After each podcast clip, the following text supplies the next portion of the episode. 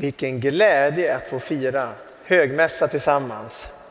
Och med det här temat också, nådens gåvor. Ja, texterna som både episteltexten och eh, evangelietexten, det handlar ju om ett fokus på Kristi kropp och hans församling. Som är mycket större än alla enskilda sammanhang eller oss, oss personer. Det är ju Kristi världsvida kyrka. Och det var ju den tro vi bekände oss till här också i trosbekännelsen. Det är det som vi som kristna är en del av. Och Paulus han använder ju sig av i den här episteltexten så märker att han använder sig av den här eh, metaforen med kroppen. Han beskriver hur en kropp fungerar och hur viktigt det är att vi var och en finns med i kroppen för att det ska funka som det är tänkt, eller hur? Och jag tänker att det finns så många saker i den här texten man skulle vilja lyfta fram, men det får ju bli något längre bibelstudium senare någon gång. Men några saker utifrån det och från evangelietexten vill jag lyfta fram som jag ser som vi behöver för vår tid idag. Ja, första Korinthierbrevet kapitel 12 handlar mycket just om Kristi kropp och de gåvor han vill ge till oss. Det är, vi kan läsa om att Paulus skriver från vers 4 egentligen första kor 12 att nådegåvorna är olika men anden densamme. Tjänsterna är olika men Herren densamme. Verksamheter är olika men Gud densamme. Han som verkar i allt och alla överallt och hos var och en framträder anden så att det blir till nytta och det är väl en nyckelvers också i livet, att veta att det Gud gör vill han göra så att det blir till nytta i våra liv. Gud, vad han gör och vad han ger oss de här gåvorna handlar aldrig om att han ger någon människa någonting för att den ska kunna visa upp och titta hur duktig jag är och vad bra jag är med mina gåvor. Då har man missuppfattat allting. Utan allt Gud ger är för att det ska bli till nytta. De gåvor han har lagt i ditt liv är till för att kunna betjäna någon annan som behöver din gåva. Hur många uppskattar att vi har organist och musiker och lovsångare här inne? Det gör jag. Jag tycker det är fantastiskt glädjande. Vet, jag kan ju vara ärlig och bekänna inför dig här, det får man göra när man står här, att jag var den absolut sämsta musikeleven någonsin. Jag var ju den där personen som de satte, du vet när man skulle spela musik tillsammans och så säger läraren Mattias, eh, kongas med din sak. Men jag vill ju spela gitarr. Nej, kongas det är din grej. Och så får man spela och så sa han till mig, du, jag tror det är bra för dig att hålla rytmen. Så han, tänk bara ett, två, tre, fyra. Tänk bara det så går allt bra. Efter ett tag så kom han igen och sa Mattias, det, det, kongas är inte din grej. Gurkan är din grej. Och hur många av er här känner sig, vem vill spela gurkan när man tittar på en elgitarr bredvid sig? Men han sa gurkan är din sak, sa han. Och så fick jag en usel ramsa att komma ihåg också i huvudet. Liksom. För det var liksom enda sättet, förstår jag nu i efterhand. Han försökte ju hjälpa mig ändå att platsa in någonstans. Men att det här var det jag skulle göra. Men jag var så sugen på att lära mig spela gitarr och grejer så att jag till och med frågade en kompis en gång, sa, kan inte du lära mig? Och han var jätteduktig. Han sa, det är inga problem Mattias, sa. vi övar. Och vi övar på och jag stod där med en elgitarr, han hade allting hemma. Och efterhand, efter ett par gånger så sa han till mig, du Mattias, sa han, det här går inte längre. Det går inte längre. Och då hade jag kunnat bryta ihop det och tänkte det är över, mitt liv är kört, jag blir aldrig någon elgitarrist. Men det var inte det som var tanken heller. Jag kan säkert öva upp mig till någorlunda förmåga i min fantasi. Men, men enligt de här gick det inte och jag, jag bestämde för att det spelar ingen roll. Jag uppskattar däremot alla som kan spela. Vilken glädje är att det finns människor som med sin gåva hjälper och betjänar mig. Och det är så du kan se på dina medmänniskor runt omkring dig. Var och en av er som sitter här har fått någon form av gåva. Du är ju precis som Andreas sa ett original en unik människa, även om vi ibland försöker plagiera alla andra. Men du ska bara vara dig själv, för det är det du är bäst på. Det är det Gud har skapat dig till.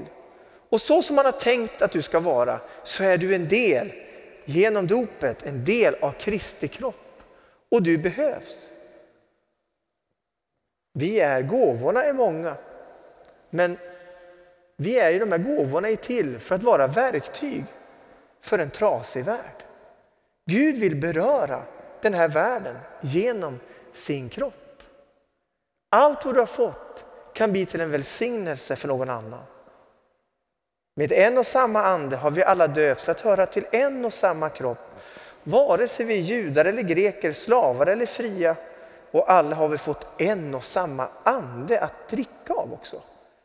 Kroppen består inte av en enda del utan av många. Och bara här inne är vi ju ganska många. Och ändå bara en liten del av Kristi stora kyrka. Men tänk att Gud har gett oss förmågan att kunna ta emot av hans ande och han lägger gåvor i var och en av oss. Och Det viktiga för oss är just därför att inte jämföra oss med andra utan att vara oss själva. För genom dopet och genom tron på Jesus Kristus har vi fått rätten att bli Guds barn. Vi har alla en tillhörighet i hans familj. Din plats är självklar. Du behöver inte längre ta den från någon annan eller armbåga dig fram eller tänka att jag förtjänar inte. Nej, vi förtjänar ingenting, men av nåd har vi fått den platsen. Gud välkomnar dig in i sitt rike och du har en plats och funktion att fylla. Och Det är därför Paulus är så noggrann med att säga att du kan inte säga att du inte platsar, för du behövs här. Och du kan inte säga till någon annan, du behövs inte här. Nej, var och en av oss är en del av kroppen. Varje person av oss är behövda. Så du ska inte jämföra dig med andra.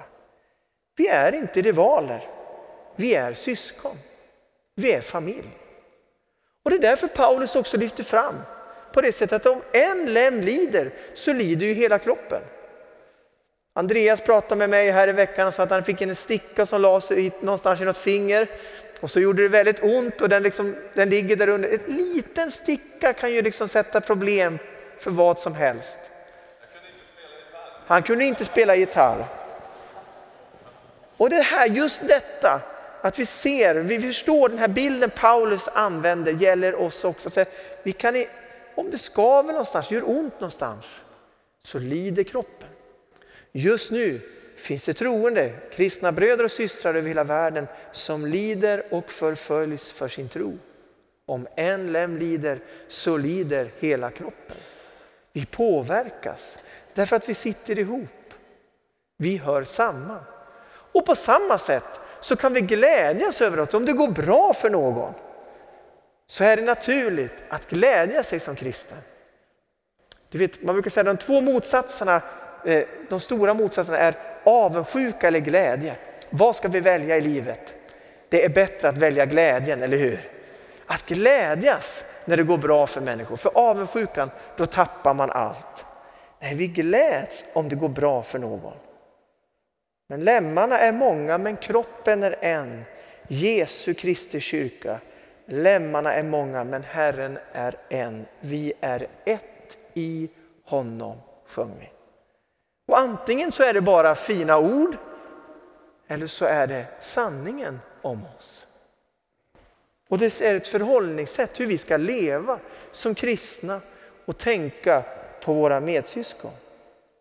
Att börja tacka Gud för att vi har bröder och systrar som vi inte alltid, alltid förstår heller. Men ändå som är Guds gåvor till oss var och en. Och kanske är det likadant de tänker om dig och mig. Men vi är beroende av varandra. Men främst är vi som kristna inte beroende av varandra utan av huvudet på kroppen. Jesus Kristus. Det är detta Jesus talar om när vi kommer in i den här texten i Johannes 15. Han använder bilden av sig själv om vinträdet. Den bilden ser vi också i den gamla testamentliga texten vi hörde idag. Och den används när Gud talar om Israel och vinstocken så används det också ofta med tanke om det kommer en dom. En dom över Israel. Men Jesus säger att jag är den sanna vinstocken. Vem är det som bär världens synd och tar domen på sig? Det är han, eller hur? Han, Jesus Kristus. Och han säger till lärjungarna att de ska bli kvar i honom, liksom jag är kvar i er. och att grenen inte kan bära frukt av sig själv. Han säger att jag är vinträdet, säger han, ni är grenarna. Och då var de ganska få när de satt där. Men idag är vi väldigt många. Och kanske är det så ibland att vi som kristna inte vet och förstår vidden och bredden av det här stora trädet. Vi tänker att det vi är, det är det sanna rätta. Men bakom på andra sidan trädet finns det fler grenar, långt fler än vad du och jag kan se. Men vi är ett i Kristus. Och det viktiga är ju just detta att vi tillhör honom. Att få vara ett med honom. Hur får vi del av Jesus Kristus? Vad kan vi göra för att få denna gåva? Hur blir vi en del av vinträdet? Ja, det är bara av nåd. Ingenting du och jag kan förtjäna i vår egen kraft, i vår egen förträfflighet. Titta här vad vi har gjort. Nej, han bjuder in oss och vi får ta emot hans gåva. Vi är inympade i det trädet. Det är en Guds gåva till oss, ett andens verk som sker i våra liv. Och var och en av oss, oavsett bakgrund och vad vi har gjort, får en ny identitet genom dopet. Att säga ja till Jesus, att tro på hans namn, ger dig som jag sa rätten att få bli ett Guds barn. Du får en ny tillhörighet. Kristi kropp, hans familj. Och därifrån trädet strömmar liv in i grenarna genom hans ande. Det är genom Jesus vi får vår källa till liv och salighet för att använda ett gammalt ord. För grenen dör om den inte sitter kvar på stammen. Det är omöjligt att säga att jag klarar mig själv. Vi är alla beroende av Jesus Kristus. Det är därifrån livet utgår. Mig förutan kan ni ingenting göra, säger han. Men tänk då vad Gud kan göra när vi är med honom och han i oss. Vilka frukter är det Gud vill att det ska bli i våra liv? Är det yttre framgång, att det ser väldigt bra ut och funkar bra? Ja, det är ju härligt om det går bra i livet. Men vad är det för frukter Gud önskar som är ett tecken på att det kommer från honom? Vad är det för frukter? Ja, Paulus är ju den som skriver om detta också i Galaterbrevet. Han talar om vilken frukt som kommer som har sitt ursprung från anden. Andens frukter är kärlek, glädje, frid, tålamod, vänlighet, godhet, trofasthet, ödmjukhet och självbehärskning. Hur skulle världen se ut? Hur skulle dina relationer se ut om det var mer av Guds kärlek, glädje, frid, tålamod, vänlighet, godhet, trofasthet, ödmjukhet och självbehärskning? Ja, Herre, ge oss detta nu.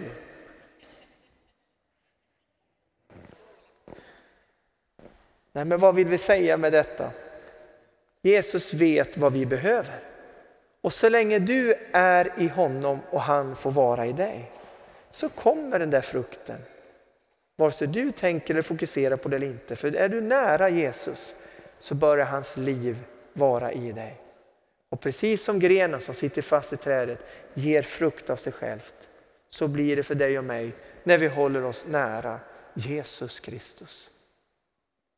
För om vi har, känner oss torra och svaga så låt oss titta på om vi väljer att vara kvar hos honom, att förbli hos honom. Det är något pågående. Att ständigt vara nära Jesus. Att låta hans ord påverka oss. Att äta och dricka av de gåvor han ger till oss. Att leva i en gemenskap med andra troende som stärker oss. Gud har en längtan att vara nära oss och framförallt så säger han så här. Det sista vi hörde i den här texten var just detta att vi skulle bli kvar i hans kärlek. Bli kvar i hans kärlek. För vad spelar det för roll om vi har alla gåvor i världen och kan göra allt möjligt men saknar kärlek som Paulus skriver. Som är fortsättningen egentligen av första Korinthierbrevet kapitel 12. Då är vi ingenting annat än en skrällande symbol. Ibland kan vi som kyrka låta väldigt skrällande tror jag. Men det som visar på om vi är kristna är att vi bär kärleken i oss. Och när vi faller i detta så får vi återvända och säga Jesus Kristus, du vet att det är dig jag behöver. Dig förutan kan jag ingenting göra. Tänk på vilken kärlek Jesus har till dig och mig, varje människa. Han säger som Fadern har älskat mig, så älskar jag er. Vilken kärlek Gud har till var och en av oss. Det är ju den kärleken han bjuder in dig och mig till att säga, bli kvar i min kärlek. Du är älskad och önskad och han väntar på dig. Och i den här treenigheten, Faderns kärlek för Sonen, Gud Faderns kärlek till dig, så vill han fylla den i ditt liv och utifrån det så kan vi bära god frukt. Låt oss förbli kvar i hans ord. Kanske du känner idag svag och som en torr gren. Idag är möjligheten att ta emot av det han har att ge till dig och mig. Han ger ju sig själv genom bröd och vin till oss. Låt han fylla oss. Han har gåvor att ge till var och en av oss. Och kanske du känner det som falnat det Gud har gett mig. Be den helige Ande om att återblåsa liv på det han har gett dig. Vi får tjäna honom utifrån kärleken och glädjen. Så låt oss förbli i hans kärlek, förbli i honom, han i oss och så får Gud ge den frukt han vill. Låt oss be. Gud, tack för att du ger dina gåvor som du vill och att vi får ta emot varandra som gåvor från dig. Tack för att du gör oss till ett i dig Jesus Kristus. Och framförallt, hjälp oss att förbli i din kärlek. Amen.